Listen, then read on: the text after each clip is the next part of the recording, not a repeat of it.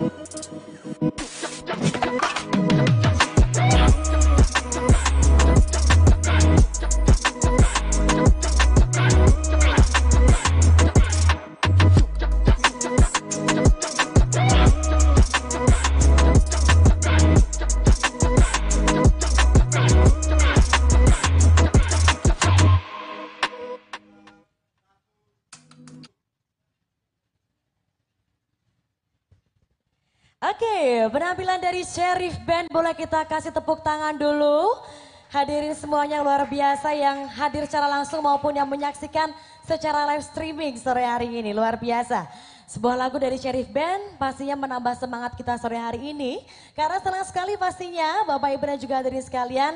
Dan juga pastinya seluruh rekan-rekan yang sore hari ini menyaksikan bersama saya Fana Bella Arin pastinya senang sekali karena boleh kembali berjumpa dengan Anda semuanya dalam rangkaian acara Ngobrolin Jogja.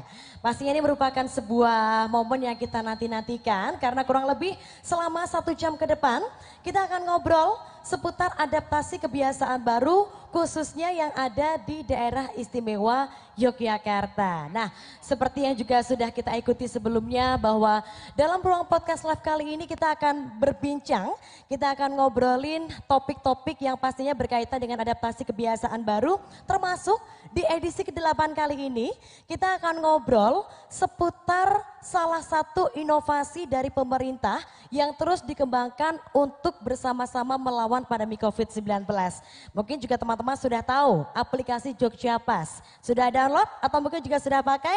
Nanti kita akan ngobrol lebih lanjut seputar aplikasi Jogja Pas. Tidak hanya itu saja, karena sore hari ini kita juga akan mengetahui lebih dekat lagi seputar salah satu tentang salah satu peraturan baru dari gubernur nomor 77 tahun 2020 yang ini juga pastinya dirilis sebagai salah satu upaya untuk bersama-sama kita melawan pandemi COVID-19.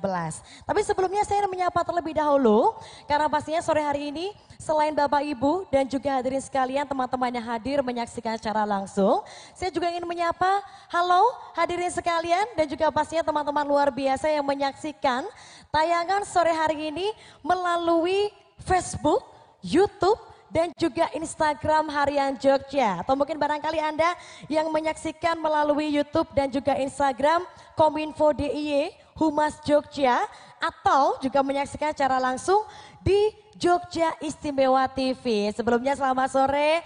Halo apa kabar yang masih di rumah saja pastinya.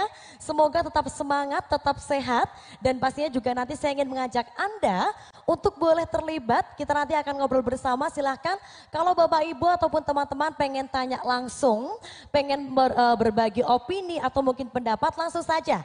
Anda bisa menuliskan pertanyaan Anda melalui kolom komentar baik itu di Facebook, YouTube maupun Instagram. Nah, pastinya tidak uh, perlu berlama-lama lagi karena sudah tidak sabar kita ingin segera ngobrol apa saja sih kira-kira upaya yang terus dilakukan pemerintah dan juga seperti apa peran yang bisa kita lakukan untuk terus melawan dan juga pastinya kita bersama-sama memerangi pandemi COVID-19. Nanti kita akan ngobrol lebih lanjut lagi karena spesial sekali sore hari ini sudah hadir di tengah-tengah kita. Sudah ada seseorang yang sangat cantik yang kalau udah nyanyi uh, bisa kelepek-kelepek nih yang nonton ya. Sudah gak asing lagi ada Nabila Maharani. Oh, selamat sore. Wah, Nabila apa kabar sore hari ini? Alhamdulillah baik. Baik ya, luar biasa. Tapi kalau nggak salah Nabila ini juga hari ini bertepatan dengan launching single terbaru ya.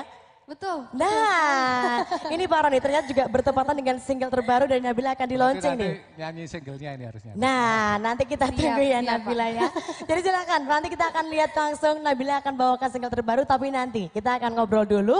Jadi pastikan jangan ke mana-mana karena nanti kurang lebih selama satu jam ke depan kita akan berdiskusi asik, kita akan ngobrol asik. Silakan sekali lagi yang mau tanya, yang mau berbagi, yang mau sharing, kasih pendapat, opini, langsung tulis di kolom komentar. Nah, untuk mengawali obrolan kita sore hari ini, saya pengen ngobrol dulu bareng sama Pak Roni, ya. karena juga kita sudah lama tidak berjumpa secara ya. offline ya Pak ya. ya Terkait juga dengan pandemi pastinya banyak kegiatan yang mungkin tadinya kita bisa uh, lakukan secara langsung di lapangan, akhirnya harus dialihkan secara digital begitu. Tapi Pak Roni, sebelum kita nanti lebih uh, dekat lagi ngobrolin soal aplikasi Jogja Pas, kemudian juga terkait dengan pergub nomor 77 tahun 2020. Saya pengen nanya dulu nih Pak Roni, sejauh ini Pak sudah seperti apa sih Pak kondisi COVID-19 terutama juga mungkin di daerah istimewa Yogyakarta Pak Roni? Ya, uh, jadi perlu diketahui ya bahwa saat ini di daerah istimewa Yogyakarta itu uh, setiap hari kita melaporkan tentang kondisi uh, perkembangan penderita COVID yang ada di Yogyakarta. Nah, masyarakat mungkin eh, melihat bahwa data-data kita setiap hari itu tidak pernah turun, bahkan naik. Namun memang itu semua harus kami lakukan. Jadi eh, pemerintah DIY ini sekarang sedang berusaha dan memang DIY ini menjadi salah satu dari provinsi yang sudah memenuhi standar WHO dalam eh, pengetesan apa eh, pengetesan swab yang ada di DIY. Sehingga kita saat ini hampir setiap hari ada 500 swab yang dilakukan oleh Dinas Kesehatan. Oke. Nah dari 500 itu setiap hari kita eh, mendapatkan kurang lebih ya hampir 5 sampai 10 persen dari swab itu adalah positif. Namun demikian memang eh, apa kita tidak perlu panik, tapi juga tetap waspada bahwa walaupun memang ada peningkatan, tapi itu harus kita atasi. Kita harus tetap eh, waspada, kita harus tetap bisa beraktivitas, namun tetap menjaga protokol kesehatan. Jadi penderita di DIY memang meningkat, tapi kita harus tetap tidak perlu panik. Kita tetap Oke. bisa beraktivitas, tapi ya itu tadi kita harus memenuhi protokol kesehatan. Oke Pak Roni, berarti tetap kuncinya satu ya Pak ya, tetap Ya. berkegiatan, yang penting tetap mematuhi protokol kesehatan. Betul, ya. Betul, karena juga mungkin sebenarnya menjadi keprihatinan bersama ya Pak ya, Ya. angkanya mungkin kok kemarin sudah sempat turun, tapi Ya, ternyata sekarang meningkat ya. lagi. Nah, Ya karena dulu mungkin tesnya nggak sebanyak sekarang. gitu Betul, itu, Pak, yang perlu kita Sekarang ketahui. tesnya banyak, jadi belum tentu kalau ada provinsi itu yang penderitanya nol itu terus baik. Ya. Mungkin siapa tahu di sana tesnya cuma sedikit. betul. Jadi kalau kayak orang mancing itu, Ya. kalau yang mancing sedikit ya dapatnya sedikit. Betul. Nah kita mancingnya banyak gitu ya. Semakin Tapi luas jaringnya. Itu justru dengan demikian kita bisa mengetahui gambaran yang sebenarnya dari kondisi kesehatan di Jogja itu seperti apa, Ya. itu bisa terlihat sekarang. Ya betul. Jadi apa yang terlihat sekarang ini sudah memenuhi standar WHO dan mari teman-teman tetap kita waspada, menjaga kesehatan kita dan kita tetap berkegiatan namun protokol kesehatan harus tetap dijalankan. Tetap satu, protokol kesehatan tidak boleh dikesampingkan. boleh Iya. dikesampingkan. Dan Pak Roni, ini kan pastinya juga eh, di tengah kondisi pandemi COVID-19 ini juga baik pemerintah, eh, pelaku usaha, dan juga pastinya masyarakat tidak tinggal diam saja ya Pak ya. Kita nggak bisa terus-terus diem di rumah, nggak bisa nggak produktif karena tetap harus berjalan juga semuanya. Artinya kan memang kegiatan harus dilaksanakan ya Pak ya. Tapi juga ini dari pemerintah pastinya tidak tinggal diam karena kemarin juga kita sudah sempat eh, beberapa waktu yang lalu di launching juga sempat eh, diperkenalkan kembali aplikasi Jogja Pas yang ternyata ini juga menjadi salah satu upaya dari pemerintah untuk menanggulangi COVID-19. Ini seperti apa Pak Roni? Jadi eh, aplikasi Jogja Pas itu kita kembangkan sebagai sebuah ID digital. Jadi kita ID digital, Ya, ID oke. digital. Sebenarnya kita sudah punya ID nih, identitas. Identitas kita biasanya KTP gitu ya. Namun KTP itu kan bentuknya sekarang seperti kartu. Ya, Nah, untuk bisa digunakan dalam rangka kegiatan tracing itu kita menggunakan ID digital.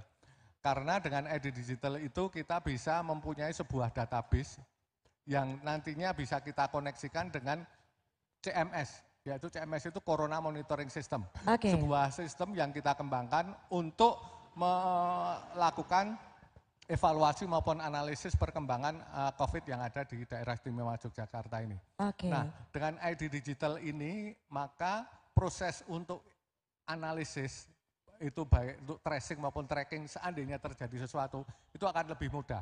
Karena dengan dengan ID digital ini orang uh, akan tahu misalnya kita akan masuk di sebuah objek wisata.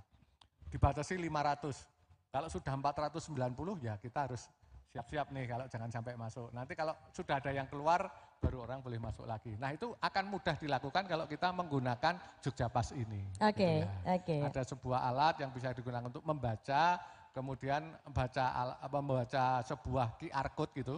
Ya. Nah, kemudian QR code itu akan mendeteksi apakah orang ini eh, apa eh, bisa masuk apa tidak karena dengan jumlahnya sudah bisa dianalisis. gitu. Oke, Iya. artinya ini ya Pak ya, ini memang perlu kesadaran pribadi Betul, dari ya. masyarakat untuk Betul. aware, Aware, ya. dan juga pastinya mau untuk eh, mungkin meluangkan sedikit waktunya ya, Ya, Pak ya untuk ya. boleh. Kalau mungkin Ya. dibilang, ada yang bilang, aduh kok ribet, gak ribet sebenarnya Ya, ya Pak ya, ya. karena ini untuk kepentingan bersama juga. Ya, karena sebenarnya ini cukup di-download sekali, Ya. kemudian diisi sekali. Oke, diisi sekali saja gitu kan.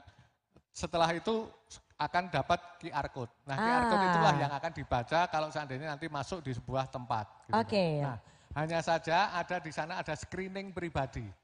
Nah, screening pribadi itu gunanya untuk mengetes apakah kita itu dalam kondisi sehat apa tidak. Baik. Nah, kalau itu diisi dengan jujur, maka kita bisa tahu kondisi kita yang sebenarnya seperti apa. Ya. Nah, screening itu dilakukan setiap dua minggu sekali. Oke. Jadi setelah dua minggu nanti sudah kadaluarsa, kalau kita akan menggunakan itu lagi, kita harus mengi- mengisi screening itu lagi. gitu. Oke, Tapi berarti kalau ke- yang lain-lainnya cukup sekali Cukup saja. sekali aja ya, Iya, Pak ya. betul. Tapi artinya begini Pak Roni, eh, mungkin kemarin juga ada beberapa pertanyaan dari Iya. teman-teman yang sempat menanyakan. Iya. Berarti Pak kalau untuk aplikasi Jogja Pas ini, kita kan sekali tadi isi identitas ya Pak Iya, ya di awal iya, ya. Kemudian iya. kalau kita mau bepergian, kita mau Iya. berkegiatan, kita scan QR code, scan QR barcode code-nya ya Pak ya. QR code yang nantinya kita dapatkan kalau kita sudah mengisi seluruh apa uh, isian yang ada di sana. Oke, artinya Pak, QR code ini apakah akan ada di spot-spot tertentu atau seperti apa Pak Roni? Jadi QR code-nya itu QR code-nya kita.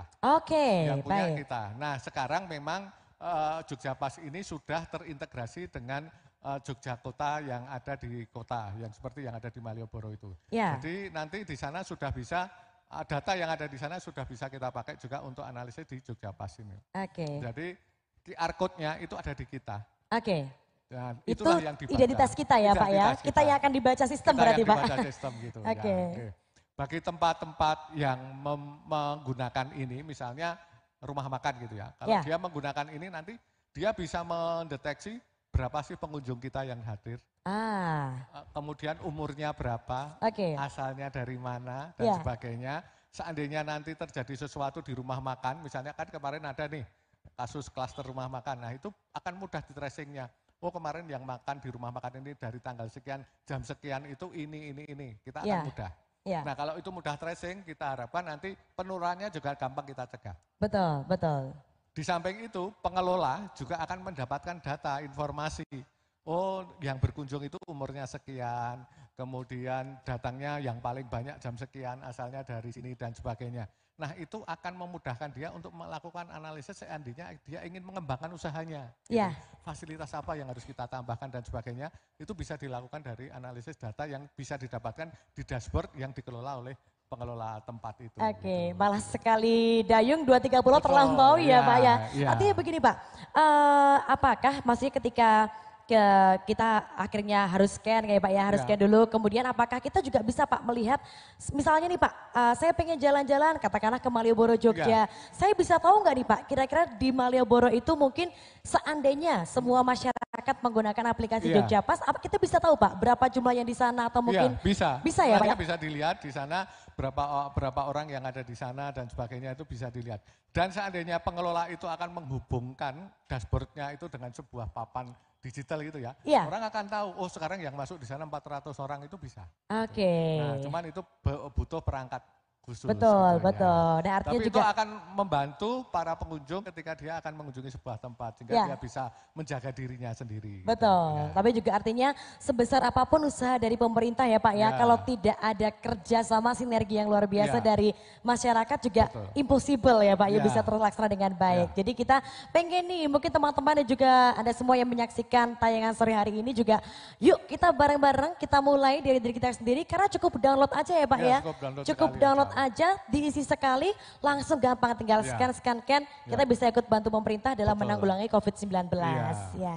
Tapi satu Pak Rani, ini pertanyaan Ya. sebelum nanti mungkin kita akan beralih ke topik berikutnya. Ada kemarin pertanyaan Bapak, karena memang kemarin kan untuk Jogja Pas ini bisa diinstal di Google Play Store ya Pak ya. Nah ini pengguna App Store ya Pak ya, sempat tanya kemarin. Kira-kira kapan Pak kita bisa menikmati aplikasi ini juga Pak? Ya, Ah, jadi saat ini aplikasi tersebut sudah dievaluasi oleh App Store. Oke. Gitu ya.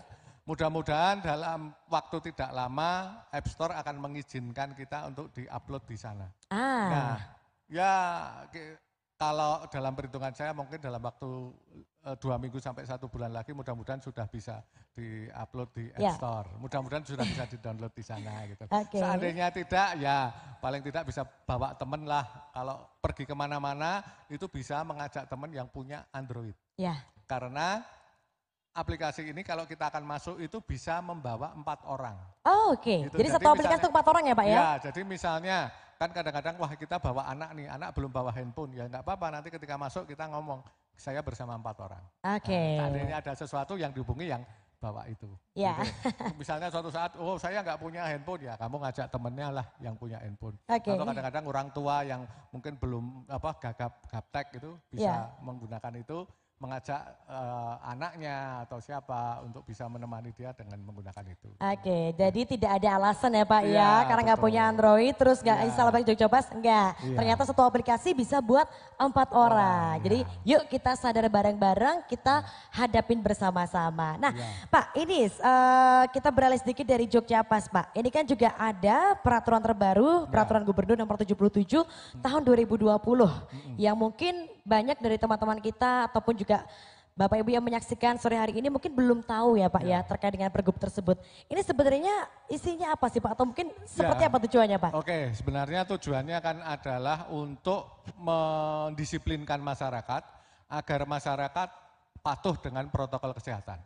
Protokol kesehatan itu apa? 4M sebenarnya. Oke, Secara apa itu, Pak? usub tadi ada 4M. Oke. Ya.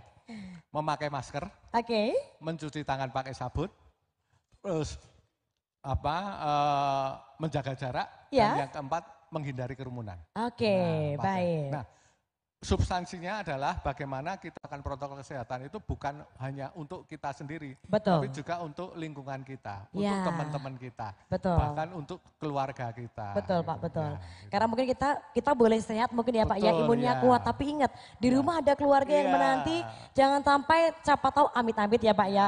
Kalau misalnya kita juga eh, barangkali bisa menjadi eh, karir karirnya ya Pak ya karir Covid Ya. juga kan kita nggak pernah tahu. Betul. Jadi jangan egois intinya Pak ya kita Ya. lindungi keluarga kita Ya. dan juga pastinya tadi kuncinya 4M berarti Ya, Pak ya. 4M. Memakai masker, Masker, mencuci mencuci tangan, menjaga menjaga jarak, jarak, menghindari kerumunan. Nah, Ya. 4M ini harus kita bawa ke mana-mana sekarang. sebenarnya, kan Betul. ya. betul, betul.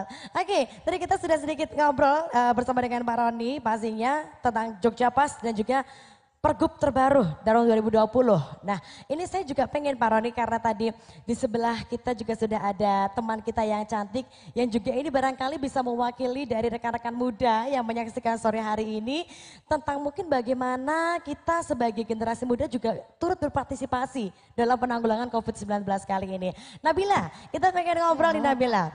Oke, Nabila, ini kan kita tahu ya Nabila sibuk nyanyi juga sering manggung off air dari panggung ke panggung. betul sekali. Masih juga aktif di YouTube. Ini di tengah kondisi pandemi COVID-19 ini seperti apa Nabila kegiatannya?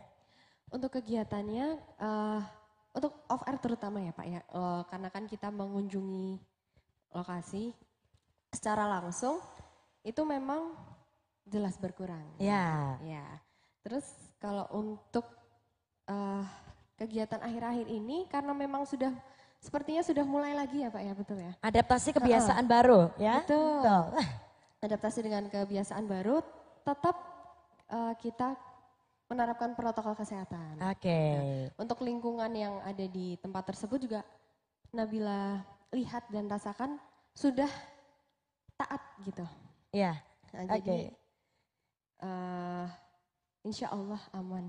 Insya Allah aman ya. Tetap kuncinya patuhi protokol Patuhi kesehatan protokol tadi. kesehatan yang penting itu. Ya, Gitu. tapi Nabila, ini kan eh, kita juga kemarin eh, aku sempat ngikutin juga lihat Nabila posting beberapa waktu yang lalu juga. Ternyata juga di tengah kondisi pandemi ini bukan berarti Nabila terus berhenti berkarya ya. Yes, Nyatanya betul. sore hari ini juga nanti kita akan lihat single terbaru dari Nabila. Nah, Ya. ini Nabila mungkin bisa diceritain bisa tetap berkarya, bisa tetap produktif di tengah kondisi pandemi yang kita hadapi bersama saat ini.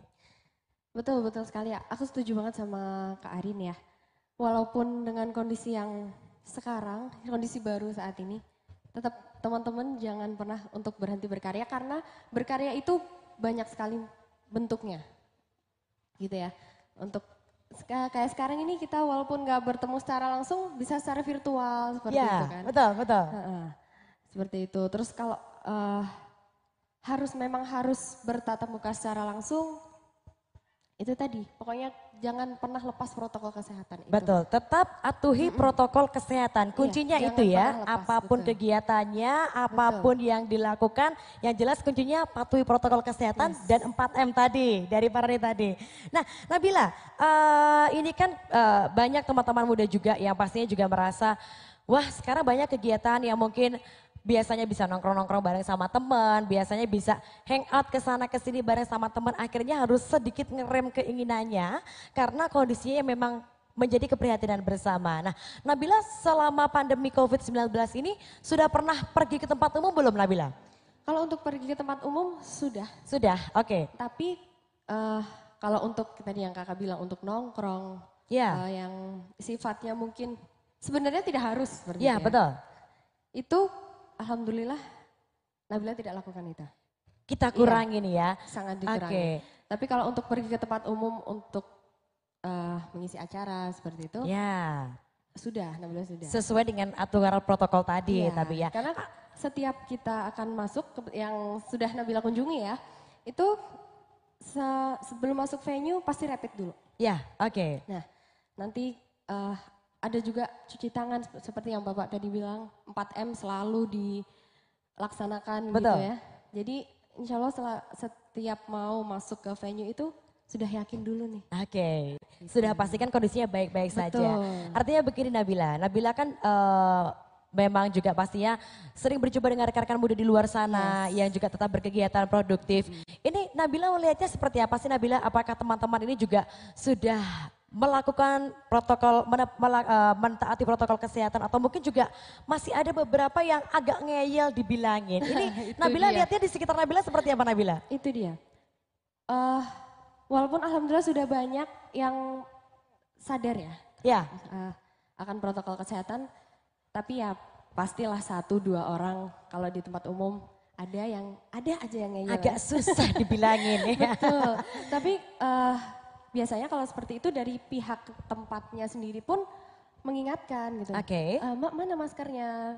Ya, kayak gitu-gitu sih. Oke, berarti tetap tadi ya saling mengingatkan Iya, satu sama betul, lain dan betul. juga pastinya karena ini juga harus kerjasama ya. Betul, Kita harus bisa sadar secara pribadi dan juga kalau mungkin ada beberapa yang ngeyel nggak ada salahnya kita jawil sedikit buat biar yuk kita bareng-bareng cukup pakai masker aja kok Betul, ya betul, untuk betul. melindungi diri kita sendiri dan juga pastinya melindungi keluarga kita. Nah, Nabila, eh Nabila sendiri kan juga pastinya sebagai generasi milenial ini kan dekat dengan yang namanya gadget ya. Yes. Kita mungkin sekarang yang tadinya kegiatan off air akhirnya harus dialihkan menjadi kegiatan secara virtual, Virtual, yang juga betul. pastinya ini memerlukan peran dari gadget, perlu peran dari koneksi internet dan sebagainya. Nabila sendiri gimana Nabila dengan melihat adanya aplikasi Jogja Pas yang ini juga akhirnya sebagai salah satu bentuk digitalisasi. Nabila sebagai generasi muda kira-kira seperti apa deh menanggapi adanya aplikasi Jogja Pas ini? Dengan adanya aplikasi Jogja Pas, ini kebetulan Nabila juga sudah pakai Pak. Untuk aplikasi Jogja Pas ini, eh, setidaknya kita bisa aware dulu dengan lingkungan. Ya, Oh ternyata di tempat ini, betul tadi kata Bapak, sudah hampir memenuhi kapasitas nih. Oke berarti kita jangan ke situ gitu ya. betul, betul. Eh, dengan adanya aplikasi ini juga sebenarnya membantu kita untuk eh, ini ya kak jaga jaga jarak dan lain Betul. sebagainya. Betul. Itu Oke, sih. jadi pastinya juga kita dimudahkan dengan Dimudahkan, aplikasi ya, iya, nggak betul. perlu ngisi form segala macam, Betul, cukup betul klik banget. klik klik klik udah beres, tinggal Benar. scan udah beres Betul. gitu ya. Tapi Nabila, ini sebagai generasi muda apa sih yang menurut Nabila jadi tantangan terbesar, jadi challenge banget karena yang namanya anak muda itu kan gampang-gampang susah ya. Kadang dibilangin juga ada yang nurut, ada yang masih ngeyel juga ya.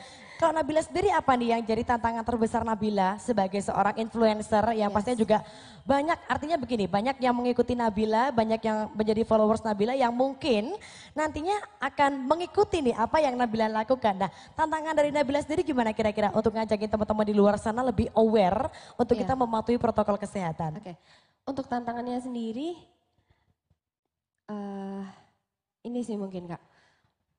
Untuk teman-teman yang di luar sana yang mungkin sampai saat ini, Nabila masih sering dengar, ah COVID itu nggak ada. Ya, Itu dia. Oke. Sebenarnya mindset mindset itu yang sebenarnya sedang diperangi oleh kita semua. betul, sebenarnya. betul, Iya. betul, betul, betul. Nah, itu bahwa ayo teman-teman kita bersama-sama Ya, untuk eh, menjaga sebenarnya untuk kita menjaga diri kita sendiri itu otomatis kita juga menjaga orang sekitar kita. yes, gitu. setuju, setuju. Jadi yuk mari kita aware dengan protokol kesehatan ini. Oke, jadi tetap lagi ya, jangan ngeyel kalau dibilangin ngeyel, ya. jangan ngeyel, yuk pakai masker tuh simple banget itu pastinya ya. Nah, tapi eh, Nabila, pastinya kan juga eh, kita juga pengen teman-teman muda di luar sana tetap produktif seperti Nabila, walaupun tidak bisa, nggak bisa ikut acara off air, belum bisa manggung lagi. Kira-kira Nabila ada pengen mungkin ngajakin teman-teman juga di sini, yuk kita tetap produktif. Gimana sih caranya Nabila kita bisa tetap berkegiatan walaupun di tengah kondisi pandemi? Oke, eh, untuk teman-teman di luar sana yang mungkin seprofesi sama Nabila juga gitu ya. Ya. Teman-teman di entertain semuanya, nggak cuma sebenarnya nggak cuma entertain. Yang mungkin harusnya berkarya dengan bertatap muka. Yuk, mari sekarang kita mulai beradaptasi karena berkarya itu tidak dibatasi kok. Yes. Secara virtual pun kita eh, bisa berkarya, terus meningkatkan kreativitas kita. Betul, betul. Seperti itu. Dan pokoknya Nabila nggak akan pernah bosen buat temen ngingetin ya untuk teman-teman. Yuk, mari sama-sama kita melakukan 4M yang seperti Bapak Roni tadi bilang. Memakai masker, mencuci tangan, eh, menjaga jarak dan menghindari kerumunan. Yes, Gitu. betul. Jadi itu tadi ya. Yuk Nabila juga sudah menunjukkan kita tetap bisa produktif kok walaupun di tengah kondisi Ya, pandemi betul. ya. Tinggal gimana caranya deh. Karena kan kita juga sudah dimudahkan dengan adanya teknologi, betul. adanya media sosial. Nah ini jadi wadah kita untuk tetap berkarya di tengah kondisi pandemi. Nah mungkin juga nanti sebelum eh, kita akan menyampaikan karena kita masih akan mengajak Bapak Ibu dan juga rekan-rekan semuanya yang menyaksikan secara live streaming silahkan Anda masih bisa menyampaikan pertanyaan langsung saja ditulis di kolom komentar karena setelah ini kita akan menyampaikan apa sih yang sebenarnya menjadi pertanyaan dari Bapak Ibu dan juga rekan-rekan semuanya. Nanti kita akan tanyakan langsung kepada Pak Rodi dan juga Nabila. Tapi sebelumnya kita pengen dengerin karena kita juga penasaran nih Pak Roni ya. Tadi disampaikan ternyata hari ini bertepatan dengan single terbaru dari Nabila. Kira-kira boleh nggak nih Pak Roni kalau kita denger Nabila Nah, bawain lagunya? Itu yang kita tunggu-tunggu Ya sebenarnya. kita tunggu-tunggu ya. Barangkali nanti Pak Roni juga bisa duet bareng Nabila. Kalau saya Oke. duet nanti musiknya nggak bisa ngikutin. Tapi Nabila, kita kasih bocoran dikit boleh dong. Ini single terbaru judulnya apa Nabila? Untuk single terbaru yang baru rilis hari ini kebetulan itu judulnya Tak Sungguh Memiliki. Tak sungguh memiliki. Aduh, galau ya. Waduh, agak jeru kayaknya ya. Iya. Tak sungguh memiliki. Oke, kira-kira kita juga sudah nggak sabar nih Nabila pengen tahu seperti apa sih single terbaru dari seorang Nabila Maharani yang juga pastinya kalau udah nyanyi, bah tak bisa memiliki yang penting bisa menikmati suaranya Nabila ya. Oke, Nabila boleh dong kita kasih tepuk tangan dulu Bapak Ibu dan juga teman-teman semuanya. Karena sebuah persembahan yang kita hadirkan sore hari ini dari seorang Nabila yang sesaat lagi akan membawakan single terbarunya. Boleh ya Nabila ya? Boleh dong. Single terbaru dari Nabila Maharani mungkin teman-teman yang akan mengiringi. Nabila mau nyanyi di sini atau mau nyanyi di mana nih? Di mana nih enaknya nih? Oh, oke. Oke, baiklah. Nanti setelah ini juga saya bersama Pak Roni akan meluncurkan single terbaru, Pak. iya, ini dia ya, walaupun di tengah kondisi pandemi tetap bisa berkarya dan silakan sekali lagi bagi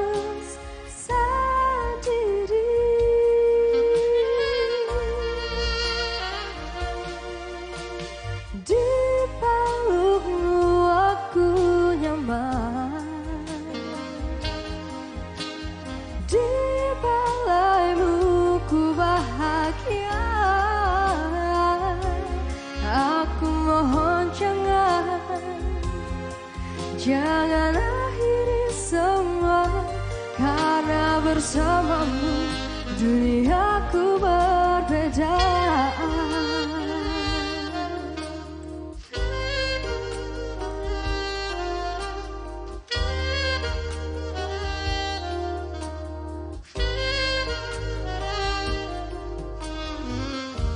Sungguh tak pernah terbayangkan Bersandar di pundakmu Bisa mengisi relung jiwaku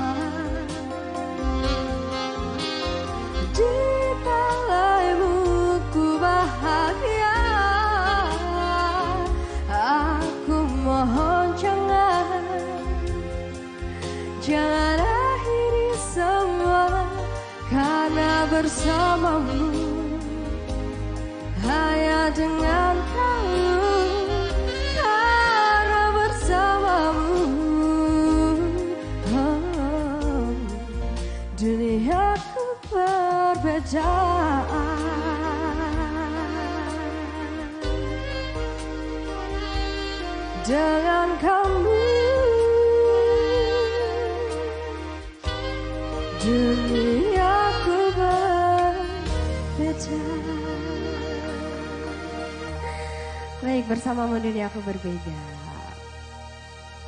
Oke, untuk lagu yang selanjutnya ini seperti yang tadi Kak Arin bilang Pada ini kebetulan Nabila rilis single baru dengan judul Tak Sungguh Memiliki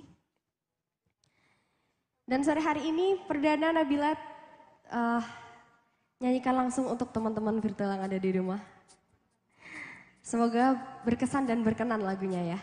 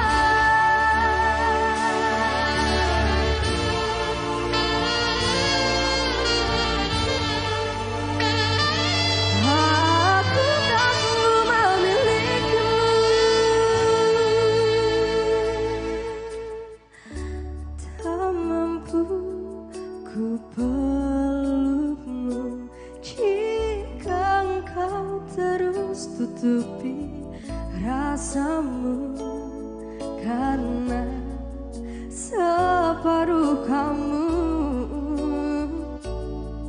Masih dalam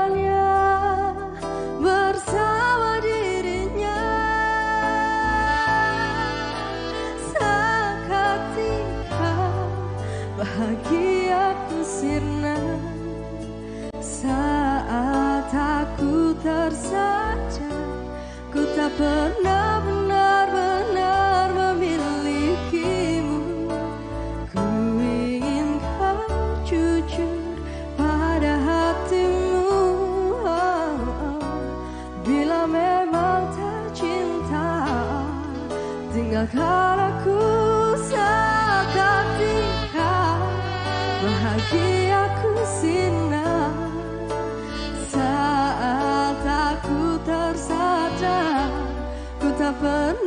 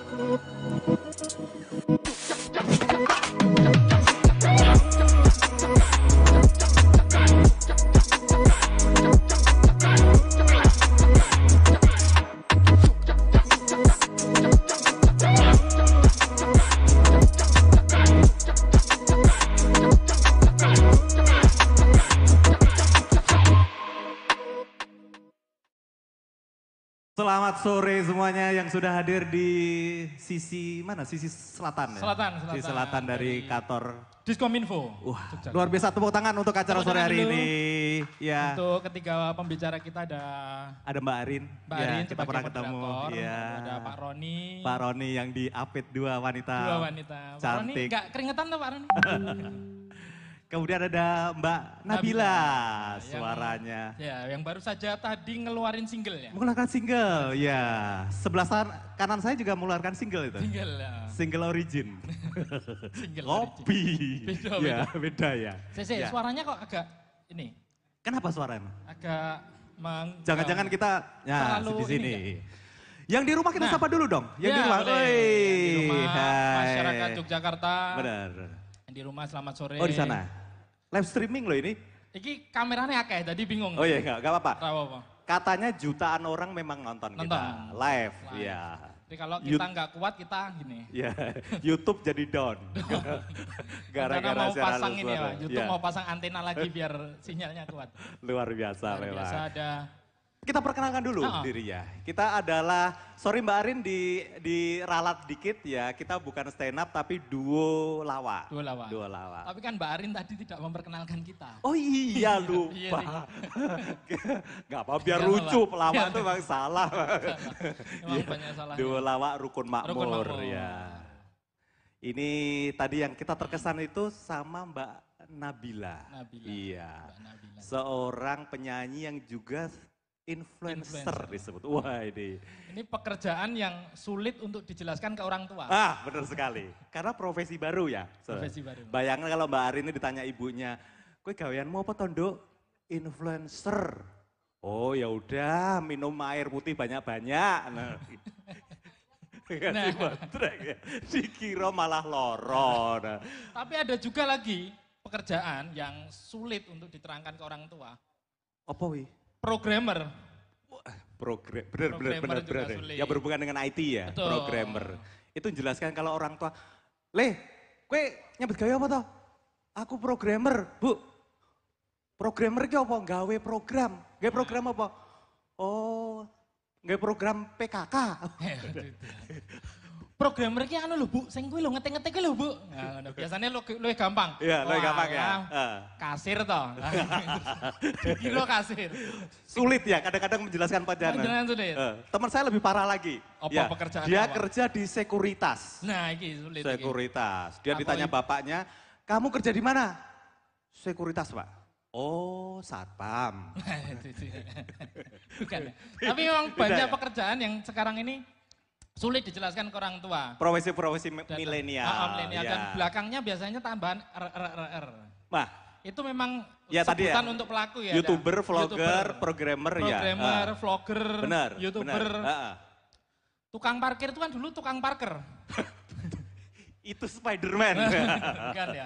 Bukan ya, beda ya? beda, beda, beda, Beda. beda, ya.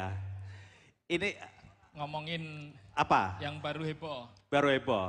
Ya sebenarnya kita berharap suasana kondusif, tidak banyak eh, public figure yang kadang-kadang ngomong sembarangan ya kayak Betul, kemarin. betul. Bahwa corona itu konspirasi, nggak ada itu. Ya. Kita berharap tidak ada lagi tokoh yang seperti itu. Ya, Ya. sudah cukup lah. Kemarin ada ya yang di Bali itu yang sekarang udah masuk penjara. Ya. Terus ada lagi di Surabaya, kamu tahu? Belum belum tahu. ada belum yang tahu. namanya Mas Taufik Monyong. Teman-teman udah gak tahu kan? Ini Mas Taufik Monyong. ya. Namanya aja udah menggelitik ya. Iya. Dia bikin Ada. kontroversi juga. Apa itu Om Seno? Dia menantang, dia ngomong bahwa corona itu konspirasi. Saya saya akan menantang untuk menghirup corona langsung dari pasiennya. Wah. Serem gitu ya. Cukup menggelitik ya, Cukup, menghirup iya. corona dari pasiennya. Jelas nggak bisa ya itu. Ya aneh aja itu loh. Jangan-jangan dia nggak sakit, nggak apa sih Taufik tuh wah, habis menghirup malah nggak tambah sakit, cuma tambah monyong. Nek tambah monyong malah kesulitan. Eh. Karena kalau dia tambah monyong, corona itu sudah masuk, mau mengeluarkan corona susah. susah. Karena tambah monyong, coronanya balik meneh nek ditoke. ya. Itu bahaya sebenarnya sama kayak Ah. ah, itu itu juga ini loh. Apa? Hmm, hmm. Bahaya banget loh. Wong aku lagi saya tuh pernah Pernah punya pengalaman seperti itu Pernah juga, mirip ya. Hmm. salah mengkonsumsi air mineral. Salah mengkonsumsi air mineral. Kok iso? Saya itu beli air mineral yang ada oksigennya. Air mineral ada oksigen. ada O2-nya itu loh. Iya, iya, Nah, toh. normal toh itu Nah, normal. itu ya. saya ha. salah mengkonsumsi. Gimana ceritanya? Air mineral yang ada oksigennya nggak saya minum, Hmm. saya hirup. Itu wes pilek-pilek, apa meneh kok menghirup corona. Kan kesalahan fatal ya. Aduh, kamu tuh air minum ya diminum kok jangan dihirup. Iya. Aduh, parah ya. Ada cerita juga. Nah, Om, cerita ya kalau kemarin kan tokoh selain selain yang dua tadi kita sebut kan ada yang satu tokoh yang mengaku sudah menemukan obat, Obat corona. Iya, namanya Pak Hadi Pranoto. Wah. Semua sudah kenal ya Pak Hadi Sudah, Pranoto ya. Muncul di talk show-nya salah satu penyanyi juga. Ya, Oh, iya. iya. Pak Hadi Pranoto tuh mengaku obat coronanya sudah dibeli sama Ratu Elizabeth. Wah, Ratu, bayangkan. Ratu Elizabeth membeli obat corona ya. Ratu Elizabeth membeli obat corona loh. Iya, piye kuwi? cerita. Seorang ratu loh. Seorang ratu. Mungkin malam-malam ya, itu bayangin ya. Kejadiannya Ratu Elizabeth nggak bisa tidur waktu malam itu. Ah. Terus dia punya kuota malam. Nah, Dia punya kuota malam, searching YouTube. Nah. Ya, searching YouTube. Ratu Iya. Elizabeth saya tuku paketan ku utama lah. Lah iya, searching YouTube, buka pertama ning Siti Nampi. Waduh. Wedi, wedi. Serem, rada serem. Bar kuwi Rasido, Rasido. Bar kuwi Ustadz Danu. Wah, rada ora cocok ya. Akhirnya ketemu YouTube-nya Hadi Pranoto, Hadi Pranoto. itu. Wah, menawarkan obat corona. Obat corona. Ya, Ratu Elizabeth beli. Beli. Ya. Terus DM lewat Facebook. Inbox. Inbox lewat Facebook. Balesnya suwe. Balesnya suwe. Iya. Adi, Adi Pranoto ini ra percaya. Ada apa sis? Jawabnya gitu ya, ada apa sis? Tapi ada pengalaman menarik juga toh. Banyak pengalaman menarik selama pandemi ini. Selama ya. pandemi kemarin Hmm. kan sempat ada di kampung-kampung itu di lockdown. Oh iya benar benar. Walaupun sekarang udah udah mulai agak Udah dibuka ya. agak Benar dibuka, sekali. Ya. Tapi kan ada ada masa di mana kampung-kampung itu di lockdown. Dan Benar. saya jaga, saya Ah. jaga di kampung pas lockdown itu ada orang asing masuk pakai masker. Wah, Tak cegat toh, tak tanyain toh. harus Tak tanyain kok malah meneng wae karo jawabnya mong hmm, hmm, hmm. mencurigakan. Tak tanyain, Ya. mencurigakan, tak tanyain mana malah hmm, hmm, hmm. Maskernya tak buka, seret, ternyata masker limbat. Wah. Iya. Serem itu, serem. Memang nggak bisa ngomong kalau itu. Itu mau ditampar aja nggak bisa ngomong ya. Katanya ada pengalaman. Oh menarik juga. ada, ada. Zaman zaman kemarin lockdown lockdown pertama Oh. itu kan situasi keamanan udah Rawan agak, ya, agak rawan rawan ya, ya, rawan ya. sepi gitu. Saya naik motor di jalan kabupaten dipepet sama begal. Begal, Wah. Edian. Tapi saya bisa selamat, lolos. Bela diri. Bukan, gampang. Gampang. Lolosnya dengan cara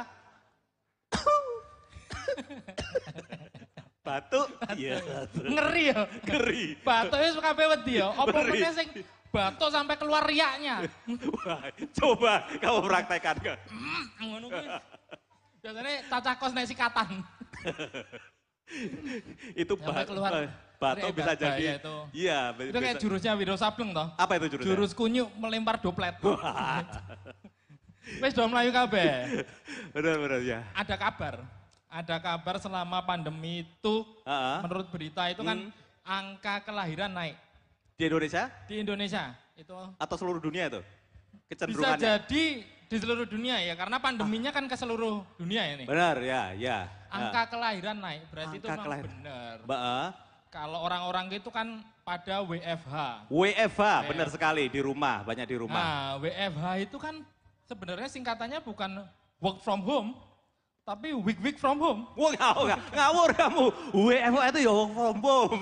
Lem- Angka kelahiran naik. Oh iya ya, benar. Ya, ya, yang week week from home ya dikurang-kurangin ya, dikurang-kurangin dikurangin, mohon ya. dikurangin. Iya. Belajar dari rumah, bekerja dari rumah, kita butuh aplikasi. Betul. Betul kali. Anaknya Om Imot katanya pakai aplikasi. Belajar dari rumah, pakai aplikasi yang tren buat belajar sekarang. Apa itu aplikasi ini? Ruang guru. Nah, Wah, ruang ada yang pakai guru. ruang guru anak-anak. Nah, Nah, anak-anak biasanya pakai Iya. itu ya untuk belajar. cuma anak saya pas buka aplikasi ruang guru, kok malah dimarah-marahin. Malah di Seneni. Malah dimarah-marahin. Ternyata salah. Dia bukanya ruang guru BP. Di- di Ya benar sih, benar. Nah ruang kuluraga anakmu malah senam. Senam. ruang guru renang malah basah ya. Nah, Iya. Itu.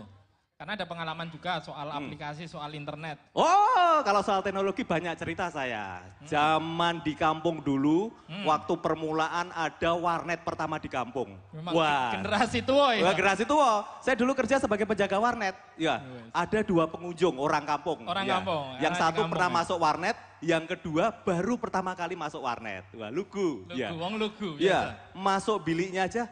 Assalamualaikum warahmatullahi wabarakatuh. Ya. Salam dulu Ya, dua orang masuk. Ya, yang satu yang pernah yang pernah ke warnet itu orangnya agak sok tahu kayak. Tak dengerin kan mereka bisik-bisik itu.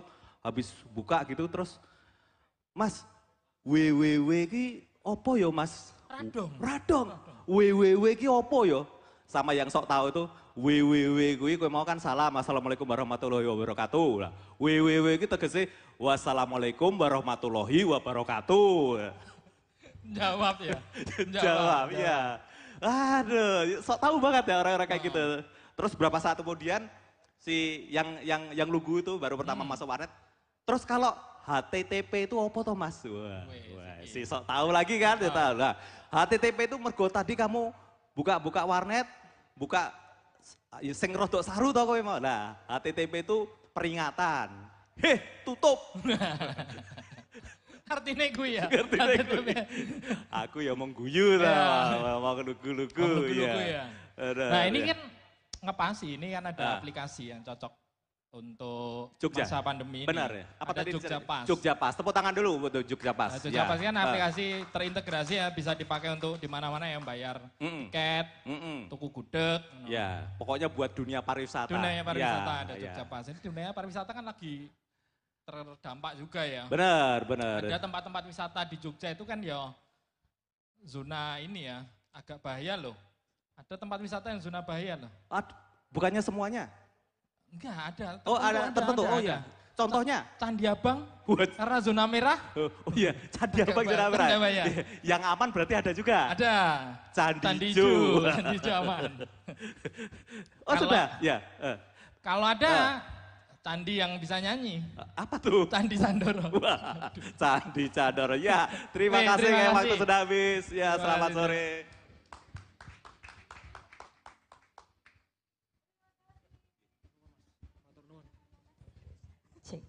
Oke terima kasih tepuk tangan sekali lagi boleh untuk dua rukun makmur. Wah tadi disampaikan juga ternyata eh, ada zona-zona berbahaya di Yogyakarta tapi kalau saya boleh bilang ada yang lebih berbahaya daripada zona merah nih. Kira-kira Nabila tahu nggak zona yang lebih bahaya daripada zona merah? Apa-apa tuh, Kak? Zona nyaman berakhir friend zona. Nah. Itu yang paling bahaya Itu paling kayaknya bahaya ya Pak Rani. Kadang-kadang sering terjebak dalam zona nyaman ya, tapi Iya, ternyata cuma friend zone friend itu lebih zone. bahaya lagi. Ya, tapi ini ngomong juga ternyata sudah ada eh, rekan-rekan yang menyaksikan secara virtual yang tadi juga sudah nitip pertanyaan nih. Ini ada pertanyaan juga untuk Pak Roni dan juga untuk Nabila. Langsung saja ya. Ini untuk Pak Roni terlebih dahulu Pak Roni. Ini ada pertanyaan dari Luna. Pertanyaannya begini Pak Roni. Bapak, bagaimana sih Pak cara mensosialisasikan Jogja Pas ke wisatawan dari luar kota? Apakah di tiap pintu masuk DIY sudah ada pihak yang memberikan edukasi dan memberitahu? Mengingat Jogja ini kan banyak sekali wisatawan dari berbagai daerah. Nah bagaimana Pak mereka yang mungkin di luar belum tahu, mereka bisa akhirnya aware dan install aplikasi Jogja Pas. Seperti apa Pak Roni? Ya, eh, jadi memang kalau di Jogja ini tidak ada apa pintu masuk gitu ya. Ya. Karena kalau kita jagain di satu pintu masuk, pintu masuknya Jogja itu banyak. Jadi akhirnya kita melakukan sosialisasi dengan berbagai cara. Antara lain dengan mengajak eh, biro-biro perjalanan wisata dan juga tempat-tempat objek wisata, pengelola objek wisata untuk mensosialisasikan kepada pengunjungnya agar mereka menggunakan Jogja Pas sebagai salah satu ID digital gitu ya. Jadi dengan demikian kita harapkan untuk orang yang akan mengunjungi ke Jogja download dulu aplikasinya gitu. ya. Oke. Kemudian diisi di sana, kemudian nanti akan digunakan untuk berkegiatan di Jogja. Nanti kalau sudah pulang dari Jogja mau dihapus lagi silahkan, nggak Iya. apa-apa. gitu. Jadi itu hanya digunakan selama dia berkunjung di Jogja supaya kalau terjadi sesuatu kita bisa akan mudah untuk men-tracingnya. Oke. Dan juga itu bisa digunakan untuk kalau seandainya nanti suatu saat eh, teman-teman ini lupa, saya pernah ke mana sih bisa dilihat itu dari Iya. situ di aplikasi itu. gitu Oke, ya. sebenarnya Namanya memudahkan apa. ya Pak Iya, ya. Betul. Nah, Iya. tapi Pak, mungkin nggak sih Pak Roni, ini menyambung pertanyaan tadi Iya. Pak, mungkin nggak sih Pak, Jogja Pas ini nanti suatu saat jadi syarat mutlak untuk mungkin orang yang bukan berKTP Jogja untuk masuk ke Yogyakarta ini mutlak harus isi aplikasi Jogja Pas. Itu mungkin nggak Pak Roni? Ya, bisa jadi nanti aplikasi Jogja Pas ini akan kita integrasikan dengan berbagai macam kegiatan yang ada di Jogja. Oke. Kita punya program namanya Jogja Smart Province. Oke. Di mana dalam Jogja Smart Province itu kita akan menggunakan Jogja Pas ini sebagai ID digital ketika kita akan melakukan transaksi misalnya gitu. Ya. Transaksi dengan eh, sistem pembayaran yang ada di Jogja. Kemudian kita juga akan menggunakan Jogja Pas ini sebagai salah satu syarat misalnya untuk mengunjungi atau untuk eh, mendatangi sebuah tempat yang hanya bisa dilakukan dengan menggunakan Jogja Pas. Oke. Yang tempat-tempat seperti itu. Kemudian juga Jogja Pas ini bisa digunakan untuk sebagai salah satu mungkin nanti kartu diskon gitu lah. Nah, ini yang mungkin dia. akan menarik juga ya Pak ya. Gitu. Jadi nanti dengan demikian dengan adanya Jogja Pas ini akan lebih memudahkan Betul. masyarakat ketika akan eh, berkegiatan di Jogja. Sebenarnya Oke. tujuannya seperti itu. Jadi kita tunggu ya selain bisa memudahkan kita juga siapa tahu nanti ada diskonnya ya, Ya, Pak ya. Tapi Pak, ya. ini kan selain kita tahu bahwa Yogyakarta ini memang kota pariwisata, kita juga perlu ingat kalau Yogyakarta ini adalah kota pelajar. Artinya juga mungkin sekarang memang pembelajaran dilakukan secara daring, Ya. tapi kan suatu saat nanti juga uh, akan ada kemungkinan kegiatan belajar mengajar tatap muka akan kembali dilakukan, Ya. Pak. Ini bagaimana Pak? Apakah juga Jogja Pas bisa berperan di sini, Pak Roni? Ya, eh, jadi beberapa waktu yang lalu mungkin ada di beberapa media massa menjelaskan bahwa eh, Gubernur DIY mengharapkan kalau memang nanti apa Jogja itu akan membuka kembali pendidikan tatap muka, maka diharapkan perguruan tinggi itu menggunakan Jogja Pas sebagai salah satu cara untuk men-tracing seandainya terjadi sesuatu. Oke. Sehingga nantinya diharapkan mahasiswa-mahasiswa yang akan memulai kuliah lagi di Jogja itu mendownload aplikasi itu dan digunakan sebagai salah satu syarat untuk mungkin sebagai salah satu absensinya kalau dia di sana. Nah, Jadi itu. kalau dia absensinya pakai itu sehingga nanti bisa diketahui dia ada berada be- be- eh, berada di mana jam berapa dan sebagainya gitu ya. Oke. Sehingga nantinya juga bisa dibatasi yang kuliah hanya 30 orang nih, ya sudah. Kalau sudah lebih dari 30 nggak usah masuk. Nanti yang jam berikutnya misalnya Ya. seperti itu. Karena kan nantinya juga akan dibatasi yang ada di dalam ruangan ruang kuliah itu hanya 50% dari total kapasitas. Betul. Misalnya seperti itu. Oke, berarti Ya. juga uh, nanti ke depannya pastinya ini akan lebih bersinergi lagi dengan Betul, lebih banyak ya, platform ya Pak ya. ya, Baik itu betul. mungkin dari sisi pariwisata, segi pendidikan dan Ya. juga pastinya lebih banyak lagi yang Ya. khususnya di Yogyakarta. Dan sekarang ini sudah ada satu sekolah yang menggunakan ini, Oke. yaitu SMA Negeri 6. Ah, SMA Negeri 6 sudah mewajibkan masa, ma- pelajarnya Oke. menggunakan aplikasi itu sehingga ketika dia akan misalnya suatu saat akan datang sekolah dia harus menunjukkan QR code-nya. gitu. Oke, Ya. jadi ini ya Jogja Pas ternyata bisa uh, membantu kita untuk memudahkan uh, tracking itu tadi ya Pak ya. Ya. Kita sudah kita bisa tahu dari mana saja, kemudian Ya. juga pastinya siapa saja sih kira-kira yang barusan ada di lokasi Betul, tersebut. ya. Dan juga akan memudahkan kita untuk mengetahui sebenarnya kondisi badan kita sekarang ini mudah terpapar apa tidak. Betul, Karena di sana resiko. ada, ah, berisiko apa tidak. Karena di sana ada ah, forum isian kira-kira kita berasal dari mana sih. Kita Oke. barusan kontak dengan orang yang menderita apa tidak itu bisa dilihat dari sana. Oke, betul sekali. Terima kasih Pak Rani. Berarti artinya jangan ragu-ragu ya cukup diinstal dan dapatkan berbagai macam kemudahan. Pastinya juga ini perlu kesadaran kita bersama untuk bisa mewujudkan Jogja Pas yang mendukung DIY kembali menjadi eh, kota yang istimewa pastinya ya, Ya, Pak ya. betul. Kemudian eh, dari Pak Rani ini tadi sudah, ini ada juga pertanyaan untuk Nabila. Nabila, ini ada pertanyaan dari Vina. Iya. Eh, seperti ini pertanyaannya. Mbak Nabila, lagu-lagunya bagus banget. Nah, kenapa? By the way, saya mau tanya sebagai seorang influencer, apa sih pola edukasi yang paling tepat untuk anak muda saat ini supaya mereka mau menerapkan protokol kesehatan? Jadi mungkin sederhananya, gimana sih Kak Nabila ngajakin teman-teman muda ini biar mau patuh sama protokol kesehatan? Menurut versi Nabila. Menurut versi Nabila ya. Dengan lingkungan yang sudah menerapkan protokol kesehatan, eh, mungkin Nabila sendiri mungkin sering, mungkin instastory, Ya. semakin banyak teman-teman yang instastory, oh aku eh, walaupun aku ke sini aku tetap pakai masker loh.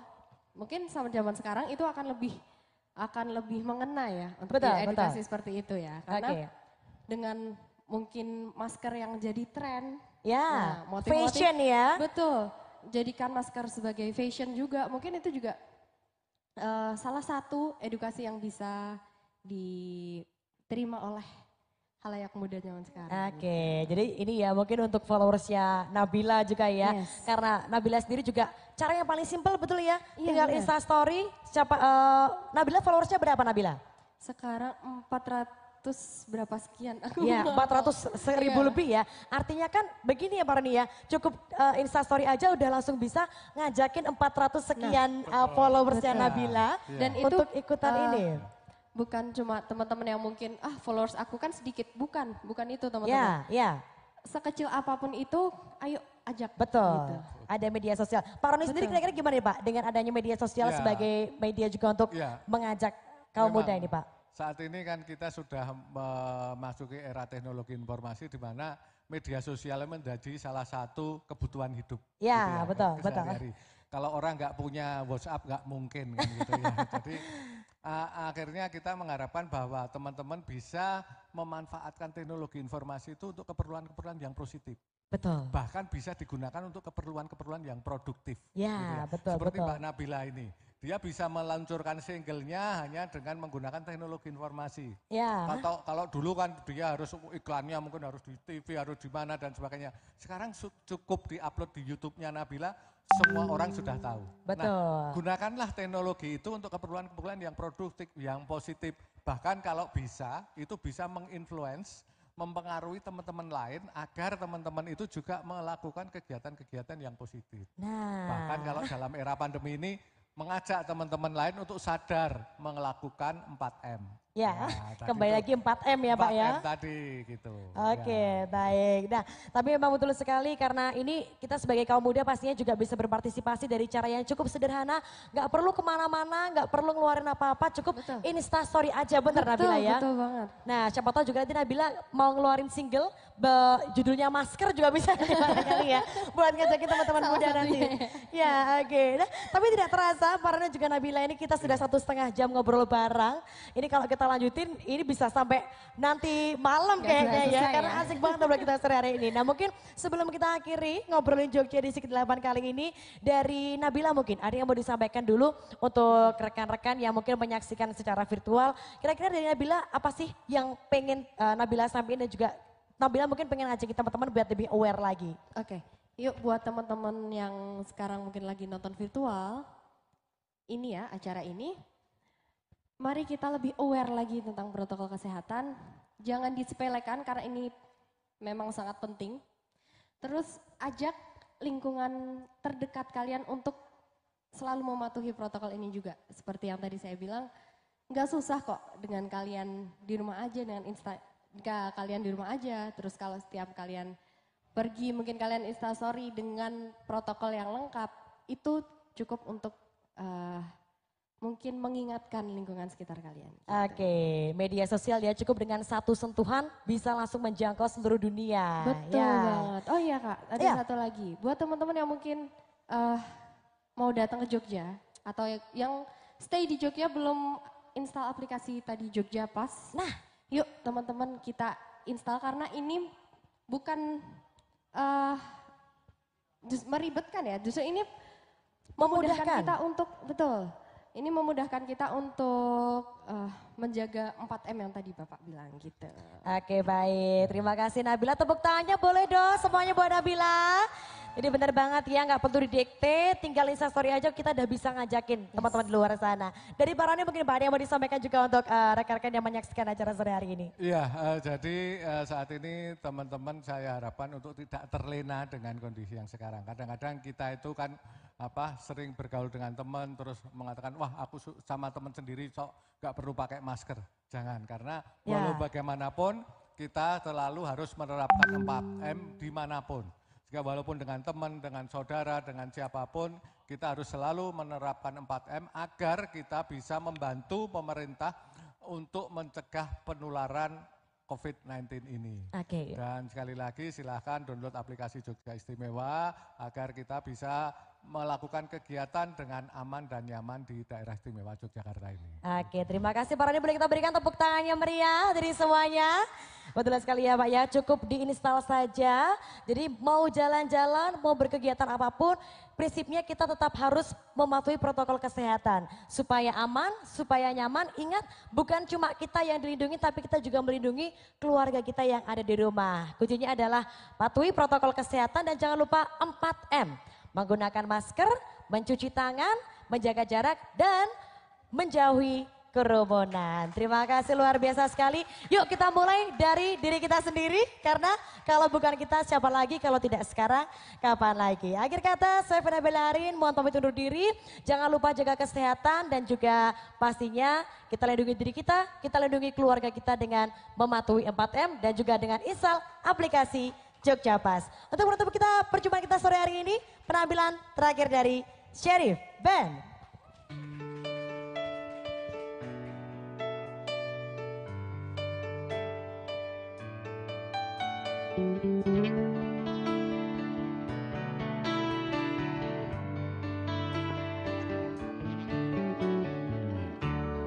Ku terima suratmu telah ku baca dan aku mengerti betapa merindunya dirimu akan dia diriku.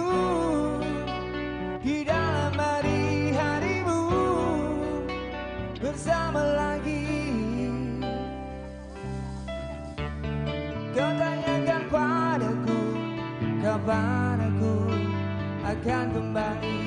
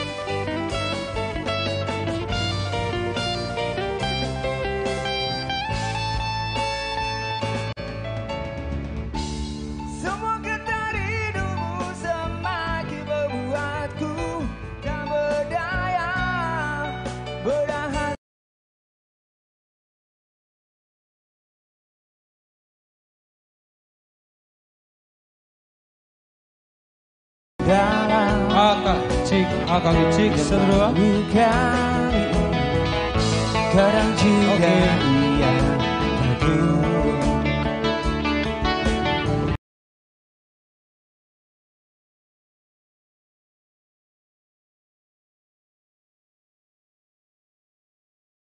Dalam akang cik akang cik seru Bukan Kadang juga iya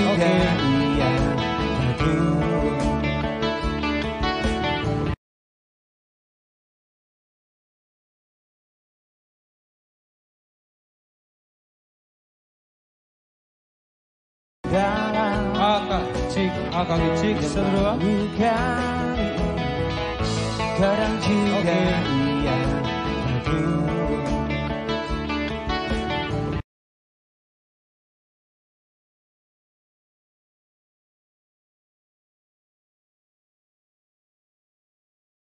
Dalam akang cik akang cik seru Bukan Kadang